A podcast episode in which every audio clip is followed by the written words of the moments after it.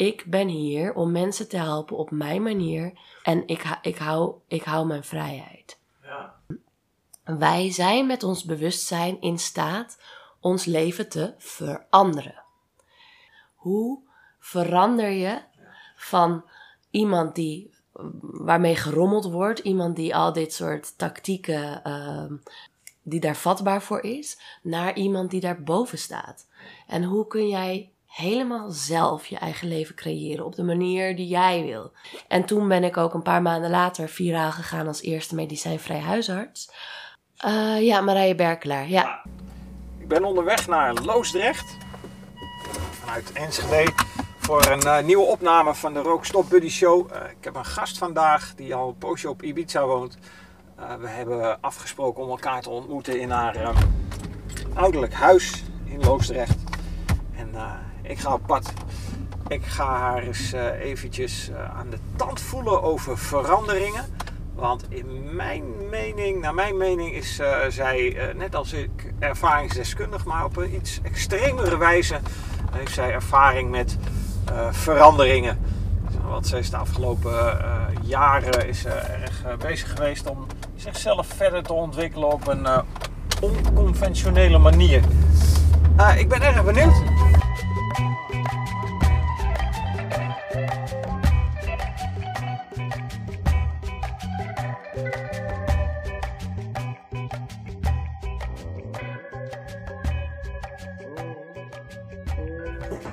Wel benieuwd wat jij allemaal van veranderingen weet. hey, Marije, v- voordat we beginnen.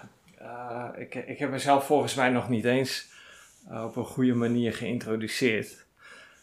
Ja, eh, nieuwsgierig mens. Sinds 2016 eh, leef ik als een niet-roker. Tenminste, ben ik op zoektocht naar het leven als niet-roker. Dus ik heb een rookcarrière achter de rug van bijna het gemiddelde hè, wat rokers doen. Eh, van de ene op de andere dag paste dat niet meer. Met dank aan eh, eh, ook nog eens een keertje wat inzichten van eh, Sigmund Freud. De orale fase. Ik dacht van ja, 40 plus, dat kan niet meer.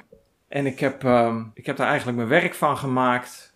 Omdat ik in de verslavingszorg werkte. En daar zag dat we alle verslavingen konden behandelen. Behalve roken. Wat ik het belangrijkste vind is om mensen te informeren. Dus vandaar dat ik contact met jou heb gezocht. En ik ben heel erg blij eh, dat je de uitnodiging hebt aangenomen. En ik eh, ben heel erg blij dat we hier in het mooie Loosdrecht tijd kunnen maken voor een gesprek over, nou ja, het thema is veranderen en eh, alle hobbels, obstakels en de mooie dingen die daaruit kunnen komen. Dus ik ben benieuwd. Exact. Welkom hier in eh, Loosdrecht en dankjewel dat je mij uitnodigt voor jouw interview, voor jouw podcast. Ja, nou, ehm, ik, eh, ehm, voor de luisteraars die jou niet kennen, kun jij eens vertellen ehm, wie je bent, Marije? Wat, eh, wat, je, wat je gedaan hebt? Want het gaat over verandering, dus ik, je voelt je comfortabel bij, hè? Praten over het verleden. Ehm, er zijn volgens mij best wel heftige dingen gebeurd. Net in het voorgesprek al een beetje eh, dingen gehoord. Hoeven we niet te diep op in te gaan. Waar ik wel nieuwsgierig naar ben, voor de luisteraars van de Rookstop bij die podcast, is eh, hoe jij omgaat met veranderingen. Nu dat je al heel veel dingen weet, maar ook als je terugkijkt naar ja, Ja, leuk. het begin van je leven. Leuk. Ja, ik, ik, eh, we hebben het ook al besproken. Jij kent mij omdat ik de grootste verandering in mijn leven heb gemaakt. En dat is namelijk dat ik van huisarts naar medicijnvrije huisarts eh, ben gegaan. En ik ging toen viraal online. Toen ik aangaf eigenlijk van, hé, hey, die medicijnen... Ik word, werd zelf misselijk van het voorschrijven. En dat was mijn lichaam die me letterlijk vertelde van... Dit is niet voor jou, dit is niet jouw pad. Dit is niet wat jij te doen hebt in dit leven. Ja. Dus als we het hebben over veranderingen... In mijn geval gaan veranderingen vaak vrij, ehm, vrij drastisch. Ja. Dus- Nou, ik, ik denk dat het voor veel mensen geldt en dat eh, dat het eigenlijk eh, onvermijdelijk is om, om een aantal ehm, ja, heftige dingen mee te maken. Eh, want was je op de hoogte direct van je, je, je, je zei het voelde niet goed en jij kreeg een signaal van je lichaam dat je, dat je daar echt misselijk van werd. Eh, de- hoe, ging dat eigenlijk? Want je hebt, nou, je hebt gestudeerd. eh, eh, kwam dat tijdens je studie? Of, Ehm, ik heb neuropsychologie en geneeskunde gestudeerd. En vervolgens heb ik ehm, ehm, de huisartsopleiding gedaan. Ook nog even in de psychiatrie gewerkt. Ehm, en ik ben aan het wakker worden. Als in mijn bewustzijn, ik ben mijn bewustzijn aan het groeien. En dat doe ik onder andere met plantmedicijnen, maar ook met meditatie en met yoga en met natuurlijke manieren van eh, zelfgenezing aan het ontdekken. Ehm, en wat gebeurde er? Ik was net afgestudeerd als huisarts. En als je dus net afgestudeerd bent als huisarts, dan krijg je een financiële adviseur over de vloer. Nou, dat was een van de dingen die bij mij iets triggerde. Want wat gebeurde er? Deze financiële adviseur die vertelde mij: Nou, je bent nu afgestudeerd als huisarts. Nu moet je een arbeidsongeschiktheidsverzekering ter waarde van ongeveer 1000 euro per maand eh, bij ons afnemen. En je moet ook voor een pensioenfonds inschrijven, ook ter waarde van ongeveer 1000 euro per maand. En, ehm, en alles in mij zei: nee, dat gaan we niet doen. Want ik dacht namelijk, ik ben, ik, ik heb mijn best gedaan. Ik heb twaalf jaar gestudeerd. Ik heb twaalf jaar het mens bestudeerd. En nu ben ik een, een zelfstandig ondernemer, want zo ben je zogenaamd ook geregistreerd. Ja. eh, die zelf beslissingen mag nemen over haar leven. En nu kom ik er dus achter dat ik in een bepaald systeem geacht word te stappen. En ik voelde aan alles van dat ga ik niet doen. Ik wil mensen helpen op de best mogelijke manier. En dat is mijn manier. En ik ben hier niet om klakloos een systeem in te gaan. En als het ware een strop om mijn eigen nek te leggen. Ter waarde van 2000 euro per maand. Waardoor ik ook nooit meer uit dat systeem weg kan. Ik zo, hé, hey, dit, dit klopte voor mij niet. Toen ik dat zei tegen deze financiële man, toen zei hij: Dit is mij nog nooit gebeurd. En mijn ogen, die vielen bijna uit hun oogkassen van verbazing. Ik zo, hè? Dus al die huisartsen voor mij, die nemen dit klakkeloos aan. Ja, zei hij. Ik zo, oké, nou dat ga ik dus niet doen. Ehm, nou, als je dat dus niet doet, als je geen eh, pensioenfonds doet, want die is blijkbaar echt verplicht voor huisartsen, dan ehm, zou je het met terugwerkende kracht moeten terugbetalen. Hmm. Heel bijzonder. Of je verliest je registratie. Dat waren de opties. Dus ik zo, nou ja, nou, ik zeg, ik doe het toch echt niet. Ik ga dat echt niet doen. Hmm. Ehm, dus mocht het zover komen, dan verlies ik maar mijn registratie. Maar ik heb gewoon die kennis opgedaan om mensen te helpen. Ja. En die kennis, die kunnen ze mij nooit meer afpakken. Dus, ehm, en, en met dit, dit verhaal ga ik niet mee. Dus daar heb ik eigenlijk al ergens besloten van... Ik ben hier om mensen te helpen op mijn manier. En ik, ik, hou, ik hou mijn vrijheid. Ja. Nou, dat, daar begon het. En toen na een paar maanden, toen eh, merkte ik dat ik bij het voorschrijven van herhaalmedicijnen misselijk werd. Elke dag als huisarts ben je bezig met, ehm, met patiënten natuurlijk. Maar er zijn ook heel veel patiënten die gebruiken herhaalmedicijnen. Voor een periode van drie maanden is dat, geloof ik, als ik me dat goed herinner, eh, maximaal. Ja, Ja. drie maanden, soms voor een half jaar. En dan heel vaak eh, dingen die eh, welvaart gerelateerd zijn, zoals eh, maagtabletten, antidepressiva. En eh, ja, ja, ik En herken is- het vanuit eh, mijn verleden als eh, doktersassistent. Ja, ja. Oh, kijk eens Ja, aan. Jij bent van alle markten Ja, thuis. ja, Ja, nou ja, dan ben je dus letterlijk een half uur lang op akkoord, zo'n knopje op je computer, akkoord, akkoord, akkoord. Je bent gewoon aan het accorderen, noemen we dat, van medicijnen. Maar wat ik voor mij zag, is een hele gro- grote groep mensen die ik niet kende, want die zag ik niet voor me persoonlijk. Mevrouw Jansen, 100 pillen, meneer die ho- 200 pillen, die, die. Dus ik was allemaal anonieme mensen, was ik allemaal pillen door de strot aan het douwen. ja. En ik werd er misselijk van. Ja. Want ik weet ook, dit zijn geen middelen, überhaupt medicijnen, daar wordt niemand gezonder van. En ik als gezondheidsprofessional, of althans, ik dacht daartoe te zijn opgeleid. Mhm. Dat, met die insteek heb ik althans mijn opleidingen gedaan. ja. En ik denk, hé, hey, maar ik ben hier helemaal niet bezig met het verbeteren van de gezondheid van mensen. Ik ben hier mensen hun zieke patroon in stand aan het houden.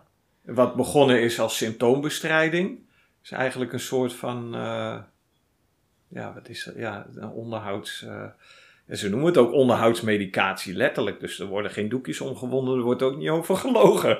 Nee, het, uh, maar, maar je maakt de mensen niet gezonder door. Nee. nee. Ja, en de meeste mensen hebben het toch, die nemen het toch, Mhm. omdat de dokter een gezondheidsprofessional is. Ehm, en de mensen vertrouwen de dokter. Ja. Dus als de dokter zegt: Dit is goed voor jou, dan denken die personen: Oh, dit is goed voor mij. Ja. Maar als je dieper kijkt, dan zie je dat die pillen zijn belastend, toxisch, giftig en op geen enkele manier zijn ze dienend aan de gezondheid. Er is nog nooit iemand gelukkiger geworden van antidepressiva. Er is nog nooit iemand gezonder geworden van anticholesterol of hoge bloeddrukpillen. Het is, pillen zijn niet om mensen gezonder te maken. Nee.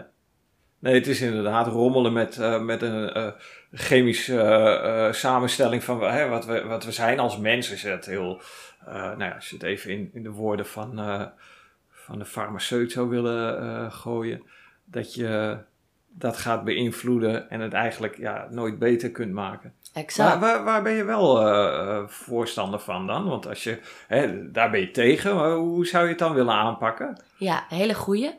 Waar ik voor sta is het uitbreiden van bewustzijn. Dus we zijn allemaal, de luisteraars thuis en wij hier, we zijn allemaal bewuste wezens. En onze natuur is om ons bewustzijn te doen groeien. Mhm. Ons bewustzijn groeit continu. Nou is het zo dat wij ons bewustzijn vele maten meer kunnen groeien dan dat de meesten denken dat mogelijk, mogelijk is. En um, wij zijn met ons bewustzijn in staat ons leven te veranderen.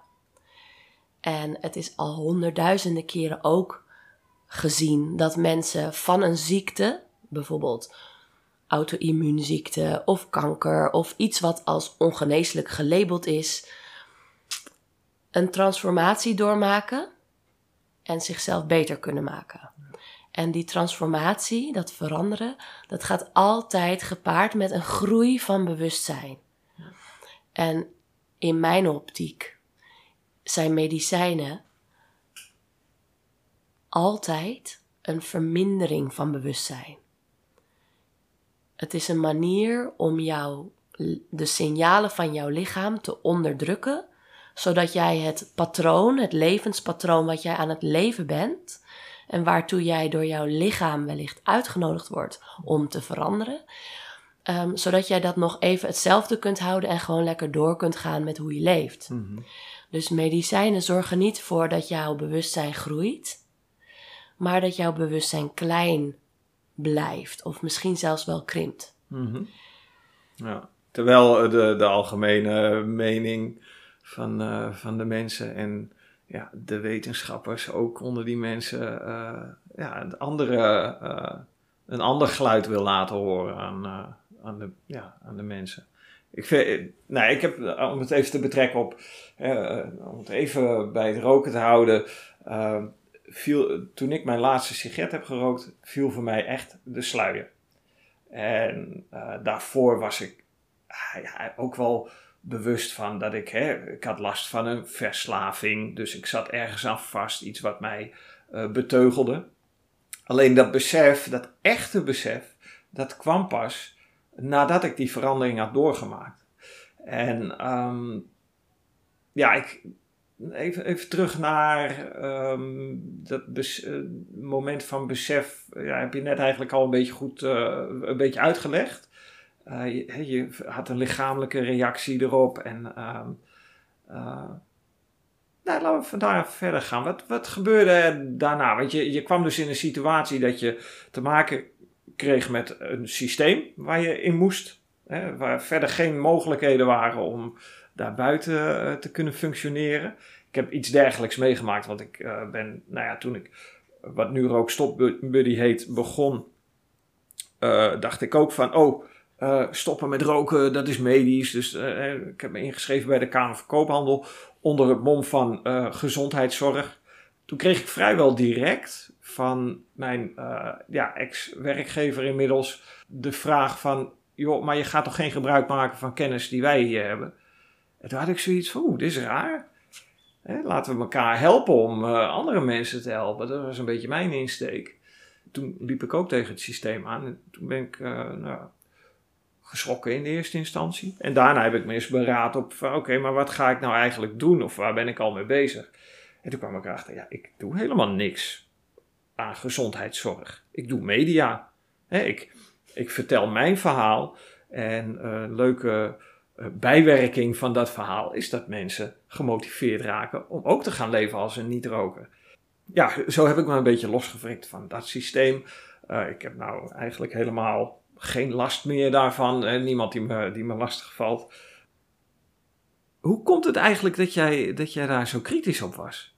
Want je hebt, als je studeert, zit je ook ergens hè, in een systeem. En dan word je een bepaald, uh, bepaalde norm uh, opgelegd. En je, was je tijdens je studie niet al uh, kritisch, of daarvoor misschien? Jawel, ja. ja. Sinds.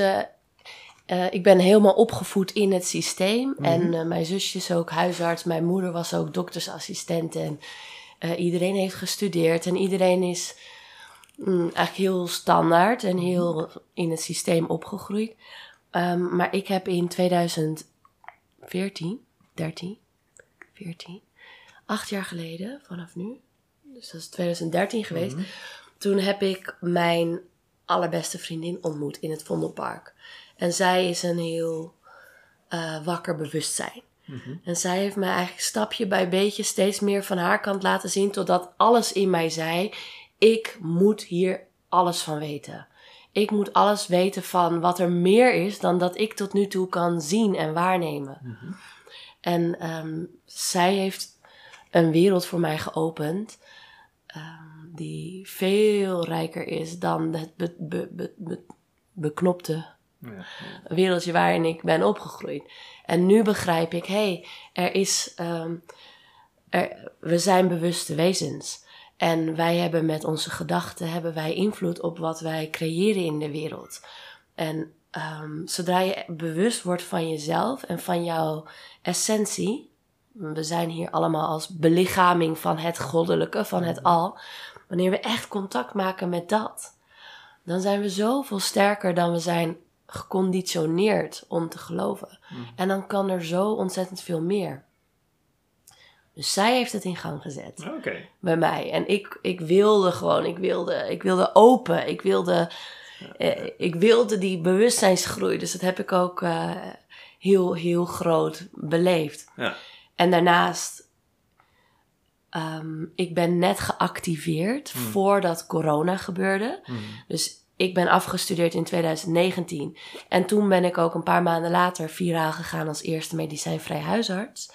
Um, en een halfjaartje daarna kwam corona. De eerste maatregelen werden toen opgelegd. Ja, ja volgens okay. mij 6 maart 2020. Ja. Toen begon het feest.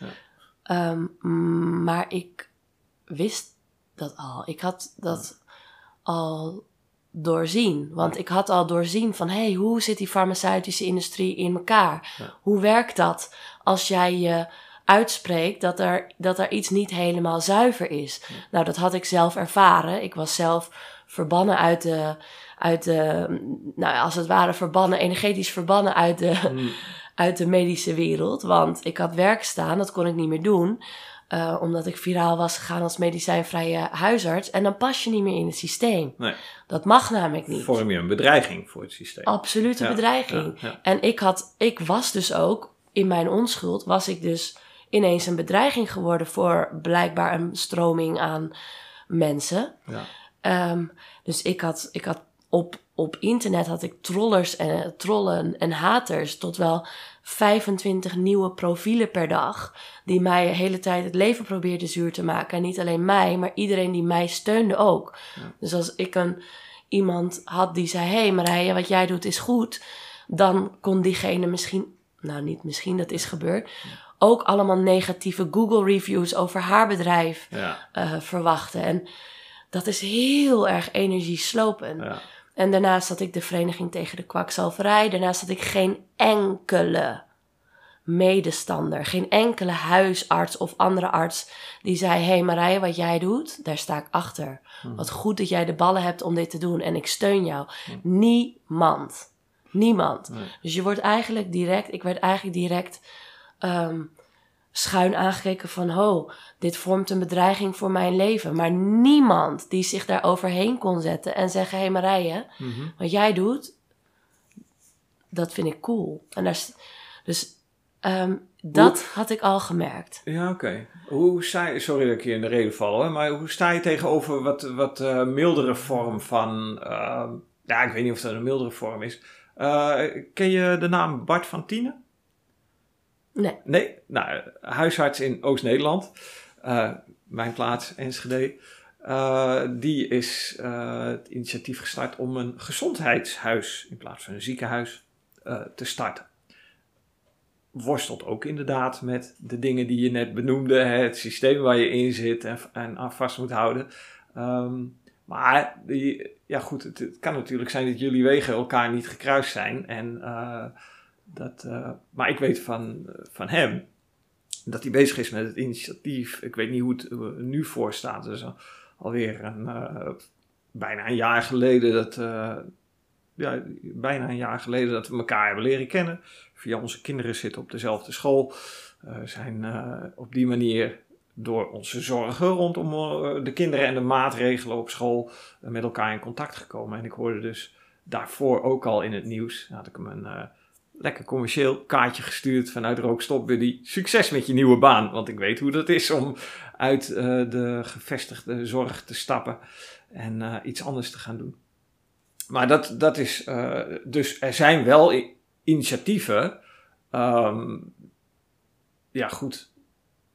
En als je het hebt over een gezondheidshuis, dan is dat ook niet meer binnen het reguliere systeem. En dat is wat ik eh, hem heb horen zeggen, dat hij daar ook echt, eh, echt los van wil, wil komen. En dus eh, wel aan de slag met de alternatieve, nou, de alternatieve punt. Eh, ik noem- Ik noem het natuurlijke punt. ja, ja, ja. Nee, maar ik, ik wilde gaan zeggen van de alternatieve geneeswijze. Of dat is bullshit. Het gaat om een leefstijl. Om, om jouw hele attitude rondom hoe het leven in elkaar zit. Precies wat je zegt. De natuur. Hoeveel verbinding hebben we nog eh, met natuur? Ik heb. Ja, hè, maar dat, dat, is, eh, dat wordt al niet meer als vanzelfsprekend eh, gevonden. Op de heenweg hier naartoe heb ik nog zitten luisteren naar Marijn Poels, een documentairemaker die, voor, die een drieluik heeft gemaakt. En in, in de laatste aflevering ehm, wandelt hij door het bos achter zijn huis. Hij woont in voormalig Oost- Oost-Duitsland. En eh, daar vertelt hij eh, de metafoor van het bos en de schimmels die in de grond zitten, die eigenlijk het netwerk tussen de bomen organiseren. En, en de politiek en de maatschappij van de mens. En ehm, ja, goed, de verbinding met de natuur. Zoals, want we zijn eigenlijk gewoon zoogdieren. Maar dat zijn we in de westerse wereld helemaal vergeten. In de westerse, oosterse wereld, de verstedelijke, verstedelijkte wereld ook. Dus, ehm, want, nou ja, goed, je, je bent eh, Nederlander, maar je bent verhuisd een tijdje geleden. Hoe lang eh, woon je al op eh, Ibiza? Ik woon nu anderhalf jaar daar. Oké, ja. Ja. En nou ja, dat is natuurlijk makkie om iedere dag lekker buiten te zijn. Ja, Het- 300 dagen per jaar zon. Ja, ja. En Dat, dat doet ook iets met ons, hè? de vitamine D en de energie die daar gewoon letterlijk vanaf straalt. Hoe, hoe is die, om even terug te gaan naar het thema veranderingen. Ehm, hoe, hoe ben je ertoe gekomen om eh, naar, eh, naar het buitenland te vertrekken? Ik kan me voorstellen dat het van buitenaf gezien wordt als een vlucht.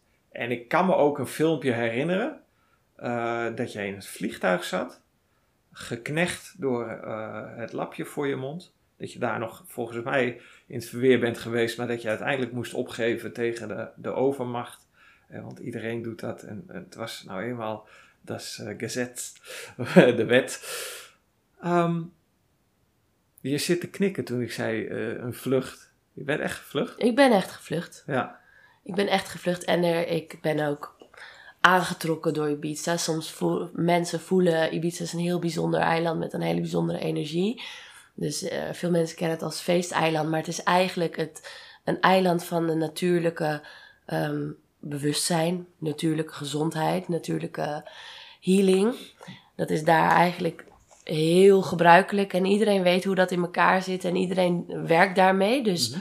ehm, ik ben daar eigenlijk wel echt heen gevlucht, ja. Hm. Ik had hier in Nederland eh, mijn eigen familie en mijn eigen man, die waren niet mee in mijn strijd of in mijn, in mijn opstaan voor mijn waarheid. Hm. En ehm, ik, had, ik had echt een, ik had echt een eh, behoefte aan veiligheid, aan mensen om mij heen die me steunen en begrijpen. Dus ik ben eh, toen eerst bij Willem Engel Mhm. eh tweeënhalve maand geweest. En toen ben ik naar Ibiza gevlucht. Ja. Ja, Ja. wat een fantastische beslissing is geweest en waar ik nog elke dag ontzettend dankbaar voor ben. Ja. Maar het was wel echt een vlucht, ja. Ja. Ja. En eh, ja, Willem Engel, eh, in het voorgesprek kwam het al even ter sprake. Hoe, eh, hoe is die connectie tot stand gekomen met hem? Ik had een interview Mhm. met hem. We werden allebei uitgenodigd voor een interview.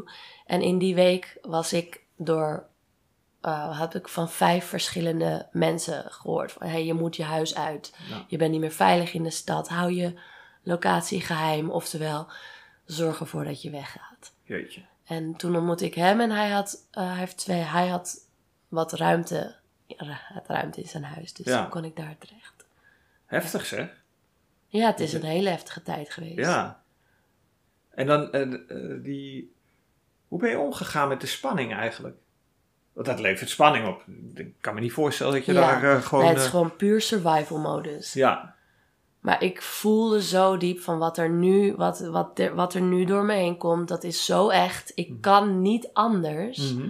Ik kan niet anders dan hier gehoor aan geven. En ik kan niet anders dan. Ik zou zwaar tegen mezelf liegen als ik het anders had gedaan. ja. Dus, en ik kan niet tegen mezelf liegen. Dus, Ja. dus ehm, zo is het gegaan, ja. Mooi dat je dat zegt, want dat herken ik. Je kan niet anders. Er zijn de letterlijke woorden die ik heb uitgesproken tegenover mijn eh, oud-collega's. Toen ik in de verslavingszorg werkte. Uh, ik zal de details sparen, maar dat was een situatie waarin ik eigenlijk um, de uh, belofte hè, die als uh, verpleegkundige aflegt, moest over, overtreden door tabak in te kopen voor cliënten. Ja, laat ik de details ook maar vertellen. Er was dus een situatie waarbij uh, mensen die op de detoxafdeling een weekje kwamen detoxen, met name de alcoholontwenning is heftig de eerste dagen en die, ja, die raken dan geheel ontregeld. Zijn niet meer in staat om te, om te lopen, wel om in een rolstoeltje naar de rookruimte te gaan en te zitten roken. Um, maar ja, die tabak die gaat een keertje op. En om te voorkomen dat handel ontstaat of mensen met elkaar van elkaar gaan bietsen, hebben we dus een, hadden we een wandeling. Ik weet niet of het nog zo is. naar een tankstation. En het doel was eigenlijk tabak inslaan, snoepkoek en weet ik veel wat. Ja goed, er werd mij dus ook gevraagd als zorgverlener. Van joh Maarten, ik kan niet lopen of ik ben te beroerd om mee te gaan. Wil jij tabak voor me kopen? En uh, ja, goed, er kwam dus een moment dat ik dacht: maar wat is, wat is dit voor een waanzin? Ik heb toch beloofd dat ik de zorgvragen geen schade zal toedoen. Nou ja, in overleg met uh, collega's bleek dat dus het begin van het einde. Want ja, dat doen we altijd zo. eh, dat is eigenlijk de bottom line. Letterlijk gehoord van ja, dat moeten we niet willen, want dan worden de cliënten onrustig. Dan denk ik van ja, maar wij zijn er toch voor om dat, dat te begeleiden, die onrust. Maar goed, herkenbaar dat je, dat je dan. Uh, ja. En wat je, je had het net ook eventjes over de farmaceutische industrie, uh, de, het begin van de maatregelen rondom COVID-19. Ik heb op dat moment, omdat ik onderzoek heb gedaan naar de tabaksindustrie, kon ik eigenlijk gaan zitten en ik, nou ja, ik schrijf, hou notitieboeken bij en ik blader wel eens terug. Maar ik kan ze allemaal afvinken, alle trucs die de tabaksindustrie de afgelopen 120 jaar op ons heeft, op onze maatschappij heeft losgelaten, zag ik in die anderhalf jaar tijd zag ik gewoon voorbij komen. Wil je ze alsjeblieft opnoemen? Nou, um, nou ja, ik, alle, alle details, maar uh, een van de trucjes is de, uh, het begint met het normaliseren. Wat de tabaksindustrie in het verleden heeft gedaan is eigenlijk iedere, ieder groot gewapend conflict hebben ze benut om reclame te maken voor tabaksproducten. En dat begon met name heel zichtbaar in de Eerste Wereldoorlog, waarbij uh, de eerste filtersigaretten of voorgedraaide sigaretten werden vermarkt. Hè, die werden gratis uitgedeeld onder de, met name de Amerikanen en de, de, Europese soldaten in de loopgraven, zodat ze in 1918 uit de oorlog als wandelende reclamezuil en held rokend over straat konden gaan. Nou ja, dan had je daarna de Eerste Vrouwelijke Revolutie, of uh, hoe heet het, Emancipatiegolf. Waarbij uh, de vrouwen werden uh, aangesproken om te gaan roken. Hè. Dat was heel hip in de jaren twintig. Nou, en dat kun je zo tot aan de, de, Eerste, Tweede Golfoorlog. Nou, toen was het al wat, wat minder, werd al wat minder omdat het bekend werd dat, hè, hoe schadelijk roken was. Maar tot in de jaren tachtig hebben bijvoorbeeld sigaretten in het leger in de rantsoenen gezeten. Wauw. Ja, dat is. Ja, dus echt dat hele diepe normaliseren. Ja, nou ja, daar, daar begint het dus mee. En uh, uiteindelijk uh, heb je dan een soort van norm. Het is gekoppeld aan een heldenstatus, hè, heel duidelijk met, uh, met de winnaars van de oorlog. Iets waar ik.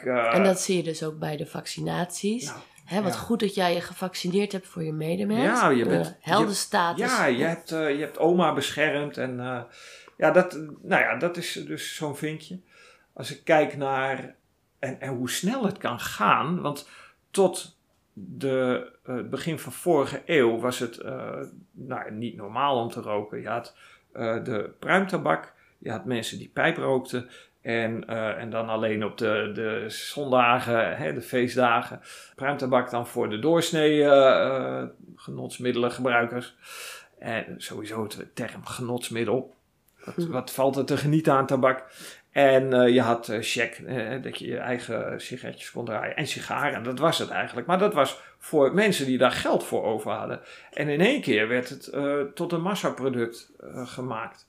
Massaproduct, ja. ja. En, en dat is in een vrij korte tijd is dat dus genormaliseerd. Zodat het beeld is gaan leven dat het, dat het erbij hoort. Hè, en dat het ook een natuurproduct is. Want het komt van de tabaksplant. Maar dat er chemische stoffen aan toegevoegd worden dat hoeft niet eens op het pakje te staan.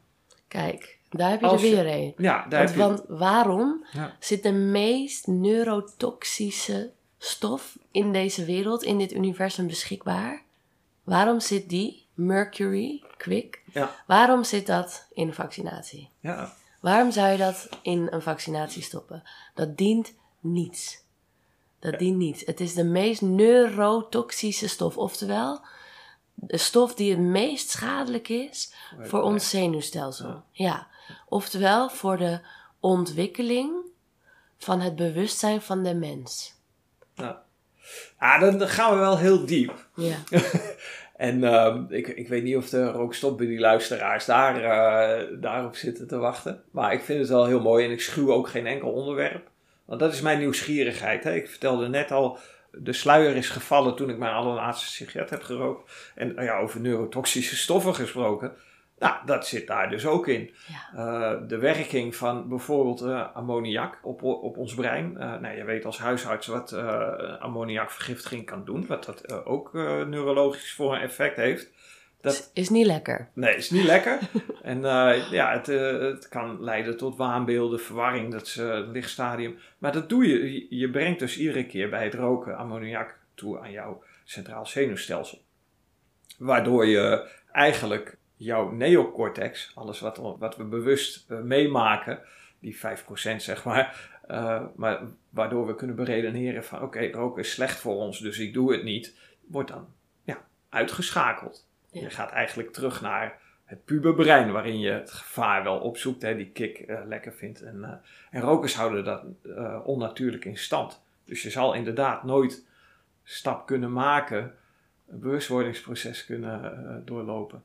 En de grap is, ik hoor dus mensen, nou, zelfs een dokter, een longarts, een ex-roker, die tijdens zomergasten zitten verkondigen van ja, die kreeg de vraag van, oh, maar je hebt gerookt en uh, hoe verslavend is dat dan? Daar ging het over.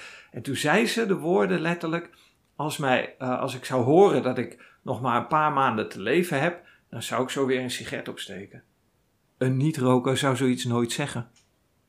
Dus vandaar dat ik hè, de stap heb gemaakt van met de kracht van alles wat we hebben in ons lijf, met name het brein, met name het onbewuste brein, eh, om die nou ja, aan het werk te zetten uh, middels uh, ja, positiviteit, positiviteit in taal, hè, neurolinguistisch programmeren, hypnose, jezelf, jezelf herprogrammeren om nooit meer dat soort onzin uit te kramen.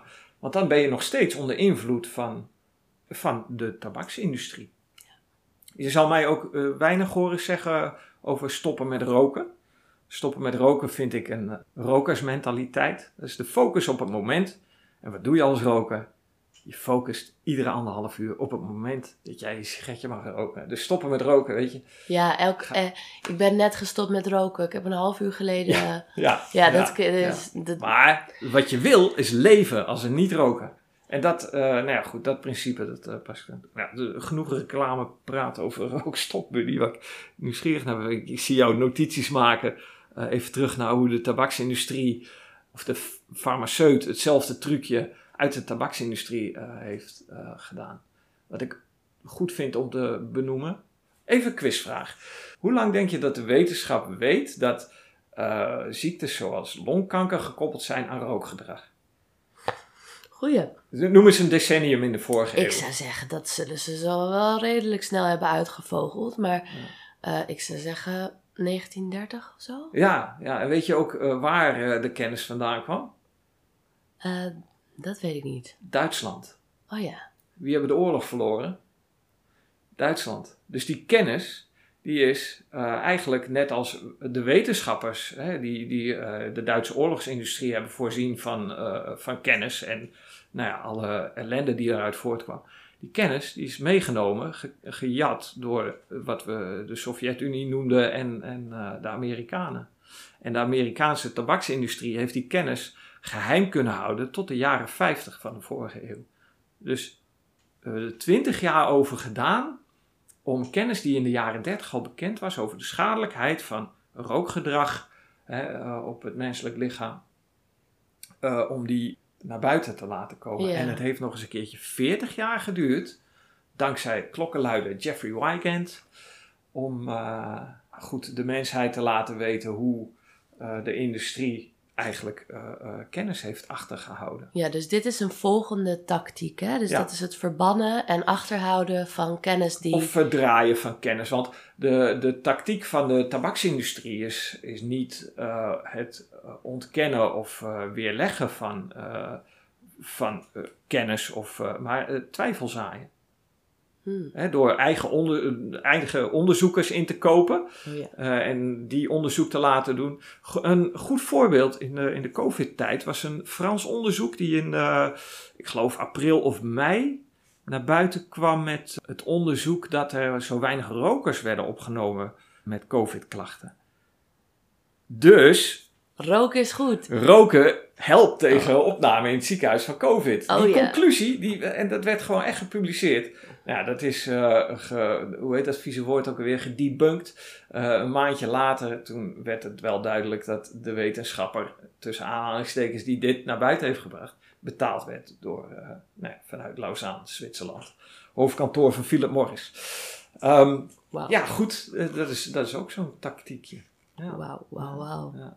Hoe, hoe ons bewustzijn eigenlijk wordt uh, gemanipuleerd. Ik heb daar onderzoek naar gedaan uh, sinds 2016, met name op de, uh, op de tabak. Een aantal leuke boeken over gelezen. Ik heb hem al eens eerder benoemd in, in een van mijn monologen in de podcast. ik weet niet of je hem zelf... ken je de schrijfster Naomi Klein? Moet Nee. ik even de titel, titel van het boek... ehm, de shockdoctrine de opkomst van het rampenkapitalisme. Interessant boek om erachter te komen hoe het consumptief-industrieel complex werkt. En uh, nou voor de luisteraars die het nog niet uh, eerder hebben gehoord, het, uh, die, ja, die moet je maar eens opzoeken in de Bib. Nou, er zit aardig wat kennis in over hoe deze mechanismen eigenlijk, het systeem achter de mechanismen die ik net benoemd heb. Ja, heel bijzonder. Je maakt notities, waar doe je dat voor? Nou, ik vind dat uh, leuk, want jij hebt hier natuurlijk onderzoek naar gedaan, naar de tactieken die de, die de tabaksindustrie gebruikt om hun product naar voren te brengen en om andere informatie dan achter te houden. En, uh, en jij zei van, hé, hey, die zie ik terugkomen nu in de COVID. Dus ik, dus ik heb ze even opgeschreven. Mm Het normaliseren, het koppelen van de heldenstatus ja, ja. aan het gebruik van het product. Nou, dat hebben we bij COVID ook gezien. Uh, het een massaproduct maken, dus van een exclusieve status naar iedereen moet dit hebben. Ja. Ja, bereikbaar maken voor iedereen is het dan, hè? Ja. Ja, want kijk, uh, kijk nou, ik, ik hou van die oude reclames van, uh, van de tabakindustrie. Ik heb er, de rookstop in die notitieboek staat ook vol met bewerkte plaatjes daarvan. Met name de, de jaren tachtig ben ik in opgegroeid. zie je dus reclames waarbij jonge, fitte, hippe mensen sportief bezig zijn op een strandje aan een zo'n paraglider hangen en, en surfen. En ja, dat is, dat is de verheerlijking dan. En daar kun je dan bij horen door gewoon dat pakje te kopen, het cadeautje open te maken en de sigaret eruit te pakken. Ja, is dat ja, fascinerend. Geweldig wil ik zeggen. Nee, geweldig is niet, maar ik vind het fascinerend hoe, hoe er gerommeld wordt met ons hoofd. Ja, en we kunnen behalve dat uh, zien, we kunnen dat waarnemen, we kunnen die conclusie trekken dat er gerommeld wordt met ons hoofd. En wat ik dan nog veel interessanter vind, is hoe stap je daaruit? Hoe verander je ja, van iemand die waarmee gerommeld wordt, iemand die al dit soort tactieken uh, uh, die daar vatbaar voor is, naar iemand die daar boven staat. Ja. En hoe kun jij helemaal zelf je eigen leven creëren op de manier die jij wil. En hoe kun je verantwoordelijkheid nemen en bewust zijn van elke beslissing die je maakt. Ja. Dat vind ik dus een interessante pad. Ja. En ik geloof dat de mensen die dat willen op dit moment, die, dat, die, die hebben nu op dit moment alle kansen om mhm. elk aspect van hun leven bewuste keuzes te maken.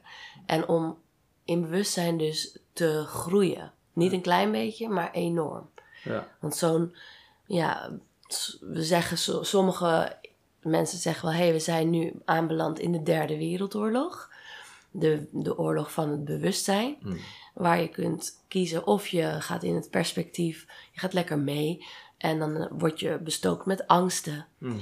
Um, en dan, word je, ja, dan, moet je, dan moet je geïsoleerd, een masker op, een prikker in en je mond dicht houden en uh, ja, ja. afstand houden. Ja. Um, of je stapt eruit en je kiest voor verbinding, voor natuur en voor expansie van je bewustzijn. Dus het volledige benutten van al jouw levensenergie.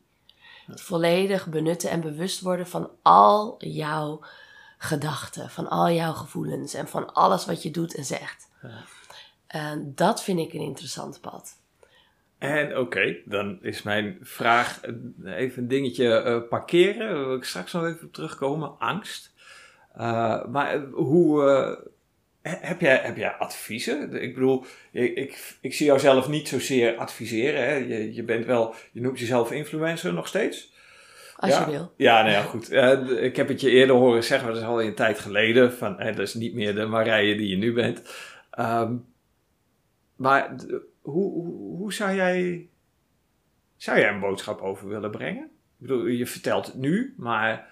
Uh, hoe zou iemand die, uh, die het al. Uh, die de splinter in, in het hoofd al hè, voelt kriebelen. Hoe zou jij iemand kunnen motiveren om die splinter of om te beseffen dat die splinter er helemaal niet is. ja, nee, ik begrijp heel goed wat je bedoelt. Mhm. Voor mensen die dus op zoek zijn naar een vergroting van hun bewustzijn. Mhm. Hoe doe je dat? Um, ik geloof dat het de volgende stap voor jou zich automatisch ontvouwt. Dus als jij zegt, wauw, ik voel die splinter kriebelen en ik wil erbij, ik wil mezelf openen, dan zal het op je pad komen. En um, dat kan voor iedereen op een andere manier zijn. Dus sommige mensen die um, voelen van hé, hey, ik moet iets met mijn communicatie. Mm. Ik zelf heb toen ehm, ik ben begonnen met een radical honesty cursus, radicale eerlijkheid. Ehm, nou, daar heb ik en heel veel geleerd over communicatie en wie ben je nou werkelijk en hoe druk je jezelf uit vanuit je meest eerlijke, oprechte kern. Ja. Maar het daar zijn heeft er weer toe geleid dat ik iemand sprak die ayahuasca, de, de moederplantmedicijn, een hele, hele, hele krachtige psychedelische eh, medicijn, die, die daarover sprak met mij. En toen ging die splinter in mijn hoofd behoorlijk kriebelen. Die zegt, ah, ik moet hier wat mee. Ja. Dus ik zoeken, oh, in mijn straat, een ayahuasca-ceremonie, aanstaande zaterdag. Dus ik denk, top. En ik heb gewoon het pad ge- gevolgd, volg de broodkruimeltjes. Ja. Dus het ene zal leiden tot het andere. En als jij je opent, dan zal je daarop ingaan. En van het ene leer je weer, hé, hey, ik vind dit interessant, ik vind dat interessant. Er zijn oneindig veel stromingen waardoor je, waar je door getrokken kan worden.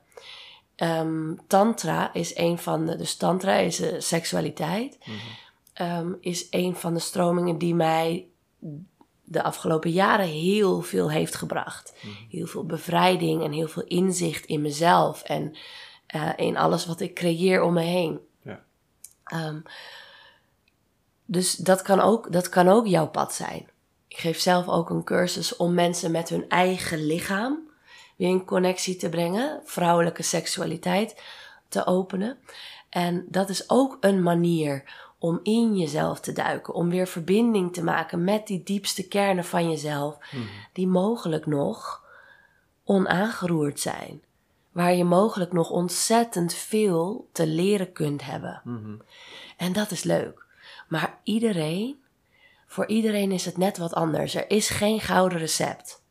En als een van de dingen die ik zojuist genoemd heb, bij jou die splinter in je hoofd doet kriebelen, dan is dat hem misschien wel. Ja. Misschien is het wel dat jij ehm, een plantmedicijn mag gaan gebruiken. Maar misschien is het wel dat jij op meditatieretraite mag gaan. Misschien is het wel gewoon dat jij een keer massage boekt bij een natuurgeneeskundige. Of misschien dat jij. Dat, dat maakt niet uit. Maar ik weet zeker dat het bewustzijn jou elke stap van de weg zal leiden.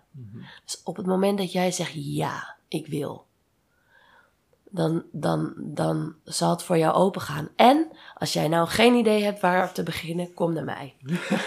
ja. Nou ja, goed, je bent wat dat betreft heel eh, benaderbaar. En eh, de dingen die je op eh, Instagram deelt, vind ik ook, ja... Je- bent, je bent echt gewoon echt. Ik, ik heb je voor het eerst ontmoet hier bij de voordeur in levende lijven. En ik had al een connectie met je. Door beeld en eh, twee telefoongesprekken. En ehm, ja, dat, dat vind ik wel heel bijzonder. Met name ook de afstand die ertussen zit. Hè? Gewoon echt eh, het eiland Ibiza, zee, eh, de, het vasteland wat ertussen zit. En dat je dan toch, ja, wat dat betreft, vind ik wel heel bijzonder eigenlijk. Hè? Leuk om te benoemen. Dank je. Ja, ja. Dankjewel, dat is Ja. een compliment. I'm as real as I can get. Ja, Ja. en die, die broodkruimels waar je het net over had, hè? Eh, want ik zie het ook zo, hè? van het een komt het ander. Ehm, geldt voor eh, positieve, maar ook voor negatieve dingen. Eh, het is jouw interpretatie van wat goed voor jou is. Dus, en ik vind het grappig dat je zegt van, goh, je kunt op retraite gaan, je kunt ademhalingsoefeningen, cursussen, dat soort dingen. Maar zelf doen, als ik, als ik kijk naar mijn eigen ontwikkeling, is het het zelf doen. Wat mij in de eerste instantie een beetje ervan weerhield was. ehm, ja, maar ik ben, ik ben niet. eh, ik ben geen eh, academicus. Hè? Ik ben niet academisch geschoold. Dus eh, ga, ik, ga ik het nou echt noemen dat ik onderzoek doe? Hell yeah. Maar het is mijn onderzoek. En nee, ik krijg daar nooit een diploma voor. Maar het is wel kennis die ik nou ja, nu met de luisteraars en met jou kan delen. En eh, op een bepaald niveau eh, resoneert dat toch wel. Of je nou een diploma hebt of niet. En dit zeg ik met name omdat, eh, nou ja, als je de statistieken erbij pakt, veel rokers, nou ja, niet verder komen dan een HBO, uitzonderingen daar gelaten niveau. En, en zich daardoor ook al beperkt voelen. Hè? Want ik, ik had dat ook. Van, ja, nou, wie ben ik eigenlijk hè, om dit te vinden of om dit te gaan doen? Hmm. En uiteindelijk, als je, eh, als je eenmaal iets, een klein dingetje repareert. In mijn geval was dat dan eh, mijn allerlaatste sigaret roken. Eh, ja, van het een komt het ander. Als je daar, nou ja, hoeft niet eens op een bewust niveau te zijn, maar onbewust mee bezig gaat. En dan die broodkruimels, die zie je in de eerste instantie nog niet, maar gaandeweg leer je ze herkennen. Ik herken dit uit het lezen van boeken. Eh, eerder las ik een boek, eh, deed ik dicht. En de, de, de voetnoten en de eh, literatuurverwijzingen, ja, die sloeg ik meestal over. Nu heb ik zoiets van, oh, die moet ik er even bij pakken, want waar komt dit vandaan? En zo zit je weer in een volgend boek. Of zo luister je weer een volgende podcast. Of zo kijk je weer een volgende documentaire voor mensen die lezen wat minder leuk vinden. Ehm, ik had nog eentje geparkeerd. Angst had je het over. Eh, ik heb, eh, mijn vorige gast eh, noemt zichzelf de angstexpert. Joke Straathof. Geweldig mens. Daar hoef je helemaal niet bang voor te zijn. Maar die is ook... ik, ik heb nog contact gehad. Verteld dat ik met jou ging praten. Daar ze ook heel enthousiast van. First things first. Angst. Het angstmechanisme wat je in de maatschappij gebakken ziet... zit letterlijk in sigaretten. Ik noem sigaretten ook eh, angstapparaten. Als je de, eh, het vakjargon voor sigaret, shisha, eh, sigaar, pijp, tabak, wat dan ook, de, de elektronische sigaretten, de vapers, is de nicotine delivery device. En met die nicotine komen er zoveel stoffen binnen die jouw systeem angst aanjagen. En die angst zit hem dan in het verlies, de rouw. Het zit letterlijk in het woord stoppen met roken. Is eh, ergens afstand van doen, afsluiten. En dat heeft een negatieve eh, eh, klank die, nou ja, die je eigenlijk niet echt motiveert om je leven te gaan veranderen. Want je kunt volgens mij beter ergens mee beginnen dan ergens mee stoppen. Ehm, dus dat, ja, wilde ik nog even gezegd hebben over tabak. De, het mechanisme, al die stoffen die daarin zitten. Nou, luisteraars die eh, de Rookstop die podcast kennen, die, eh, die hebben er al eerder van gehoord. Ik leg uit wat die stoffen allemaal doen. Broodkruimels. Oh ja, Joke Straathof, de angstexpert, houdt zich bezig met ehm, de Schumann-resonantie. Ken je dat? Van gehoord, ja. Ja, ja, ja. zeker. Ja, ik, eh, ik ben er erg nieuwsgierig naar. En ik, ja, eigenlijk door de Wim Hof methode, waar ik een tijdje geleden mee aan het experimenteren ben geweest, ben ik eh, ja, eigenlijk ook, eh, heb ik kennis opgedaan van de, of, eh, de frequentie van de aarde en het aarde zelf. Ik heb nou dikke schoenen aan. Jij loopt lekker op blote voeten en dat doe je niet voor niks. Ik doe dit ook om praktische redenen, maar zodra ik thuis ben, is, zijn de schoenen uit. En zorg ik dat ik iedere dag, al is het maar een kwartier, maar wel even buiten de grond aanraak. om in contact te komen. Ben je bekend met de Schumann-resonantie? Ik heb ervan gehoord. Enig klein beetje onderzoek eh, Ja. in gedaan, eh, als in over gelezen. Ja. ja. Maar daar, daar ben je nog niet in verdiept. Ga je daar nog iets mee doen? Weet je, er, er zijn zoveel stromingen waar je in kunt verdiepen. Mhm. Dus dit is er niet één die, eh, die voor mij is. Nee. En tegelijkertijd eh, erken ik absoluut zijn, zijn waarde. Ja. ja. Ja, je je hoeft er ook niet, en dat, dat is eigenlijk waar ik naartoe wilde praten, je hoeft niet overal kennis van te hebben om het te kunnen toepassen. Hmm. Want het simpele feit dat je eh, zo nu en dan eens een keertje in koud water springt. En eh, die angst en paniek die dan ontstaat door de schrik van "Oh, dit water eh, vind ik koud. kun je natuurlijk ook gewoon doen zonder daar weet van te hebben. Het is handig als je een paar trucs kent om die, die angst en die stress te geleiden. Dus ja. Ja. Ik, ja, ik wil eigenlijk eh, een beetje richting eh, afronding praten. Ehm, ik, heb, ehm, ik heb je hele mooie dingen horen zeggen. Eh, ik heb eigenlijk nog een, een, vraag aan je over ehm, hoe, hoe, hoe zit jij er over een eh, tijdje bij? Dat is zo'n manage, managementvraag, hè? Waar zie je jezelf over vijf jaar? Ehm, je, je kent het fenomeen van de grafreden, denk ik. Nee. Eh, nee? Oh, ehm, nou, als je inzicht wil krijgen in je, in je leven, dan eh, is het wel eens handig om je, je eigen begrafenis eh, voor Oh. te stellen. Die, Ja, hè? dat heb Dus ik wel eens je eigen- gedaan. Ja, ja. Als jij over heel veel jaren terugkijkt op jouw leven, wat, wat zie je dan? Het is moeilijk om dat samen te vatten, maar. Ik, ik Oh wil ja, eigenlijk- heel duidelijk, heel duidelijk. Ja? Ehm, over een eh, aantal jaar, als ik terugkijk op mijn leven, dan heb ik een eh, enorme beweging gestart.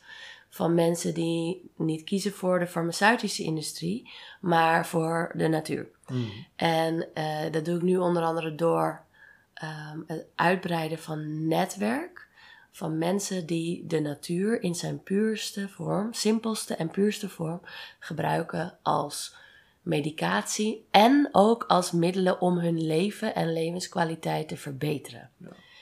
En daar ben ik mee bezig. Ehm, en dat groeit ontzettend. En we zijn nu ook begonnen met artsen te verwelkomen in ons team. Nou, nou is, laatst een, eh, is laatst een Belgische huisarts gestart. Die zelf ook ehm, geschorst is geweest omdat zij haar patiënten niet de, de angstpraat voor, de, voor vaccinatie wilde aandoen en ook niet wilde vaccineren. Ehm, dus toen is zij geschorst, want zo werkt het systeem. Ja.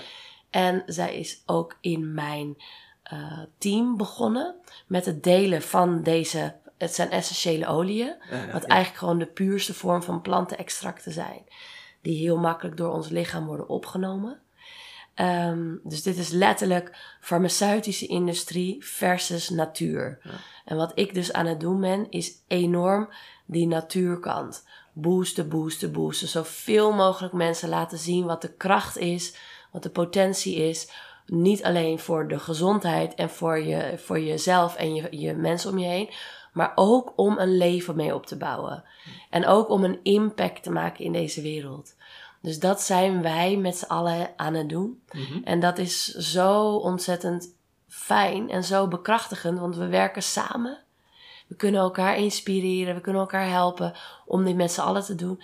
En dat er nu steeds meer dokters ook instappen, dat, daar ben ik ontzettend dankbaar voor. Want de, wij zijn toch opgeleid als gezondheidsprofessionals. Mhm. En ik, in mijn, in mijn, eh, mijn manier van kijken, we zouden gewoon het beste moeten kiezen. Ik heb onderzoek gedaan, ik heb erin, ben erin gedoken.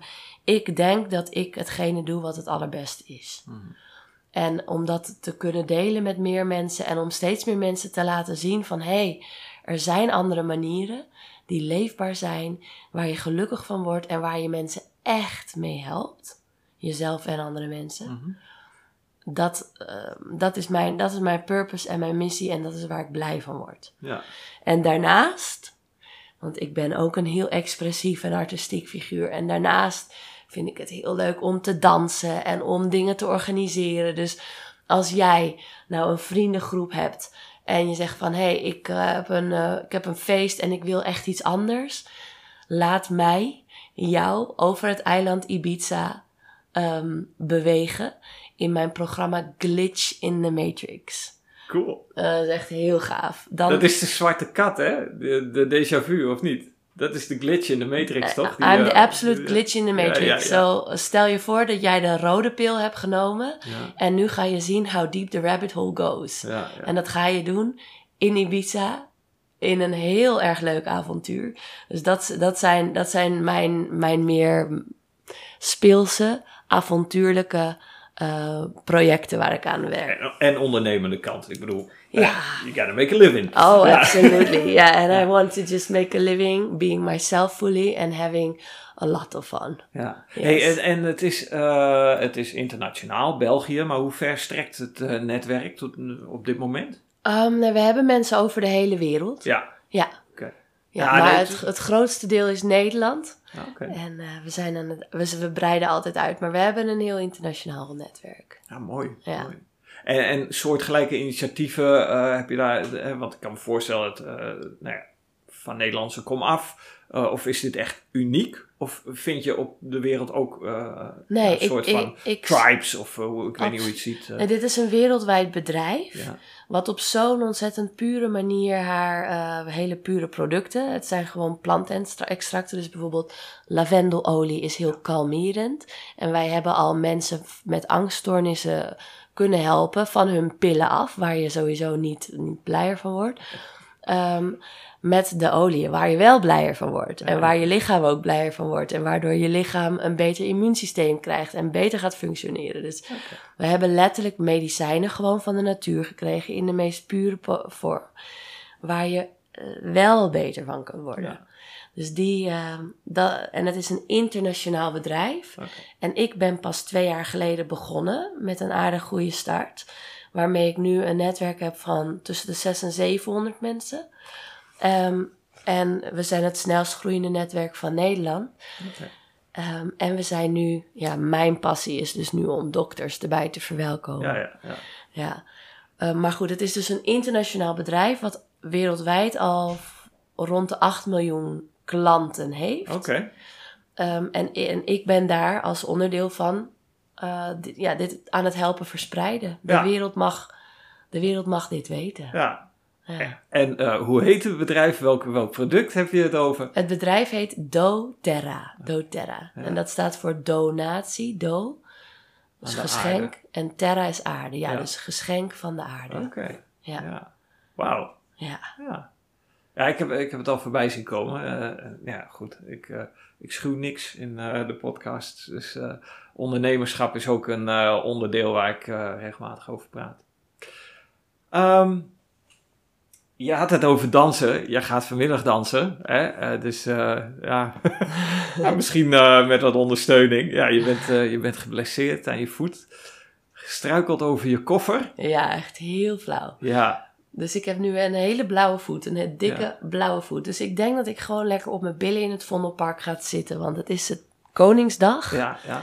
En ik heb wat mensen uitgenodigd om eh, ja, langs te komen. Ja, ja mij daar ook uitgenodigd. Ik, eh, ik laat hem voorbij gaan. Ik heb eh, wat dat betreft ja, sinds een tijdje niet meer zo op grote, grote menigte, de massa niet. Dus ik, ik ben heel blij dat, we, dat je tijd hebt kunnen maken, zodat we hier ja, even wat, eh, wat diepgang kunnen aanbrengen voor de luisteraars van de Rookstop Buddy podcast. Marije Berkelaar, ik wil je heel hartelijk danken voor ons gesprek. Hartstikke bedankt Maarten. Het was leuk, leuk om hier te zijn. Luisteraars, bedankt voor het luisteren. En heel erg veel goeds. En als je me wilt vinden, want ik denk dat dat wel een goed moment is. Puurmarije.nl ja. puurmarije.nl En Ed Marije Berkelaar gewoon toch eh, op Instagram. Eh, Ja, Marije Berkelaar. ja, Ja, ja. La je- Pantera Blanca. Yes. Of Dr. Squats heb ik ook voorbij zien komen een tijdje geleden. Eh, ik ook. vind het geweldig hoe je die dingen aanpakt. Ja, mooi. Dankjewel. Jij ook bedankt.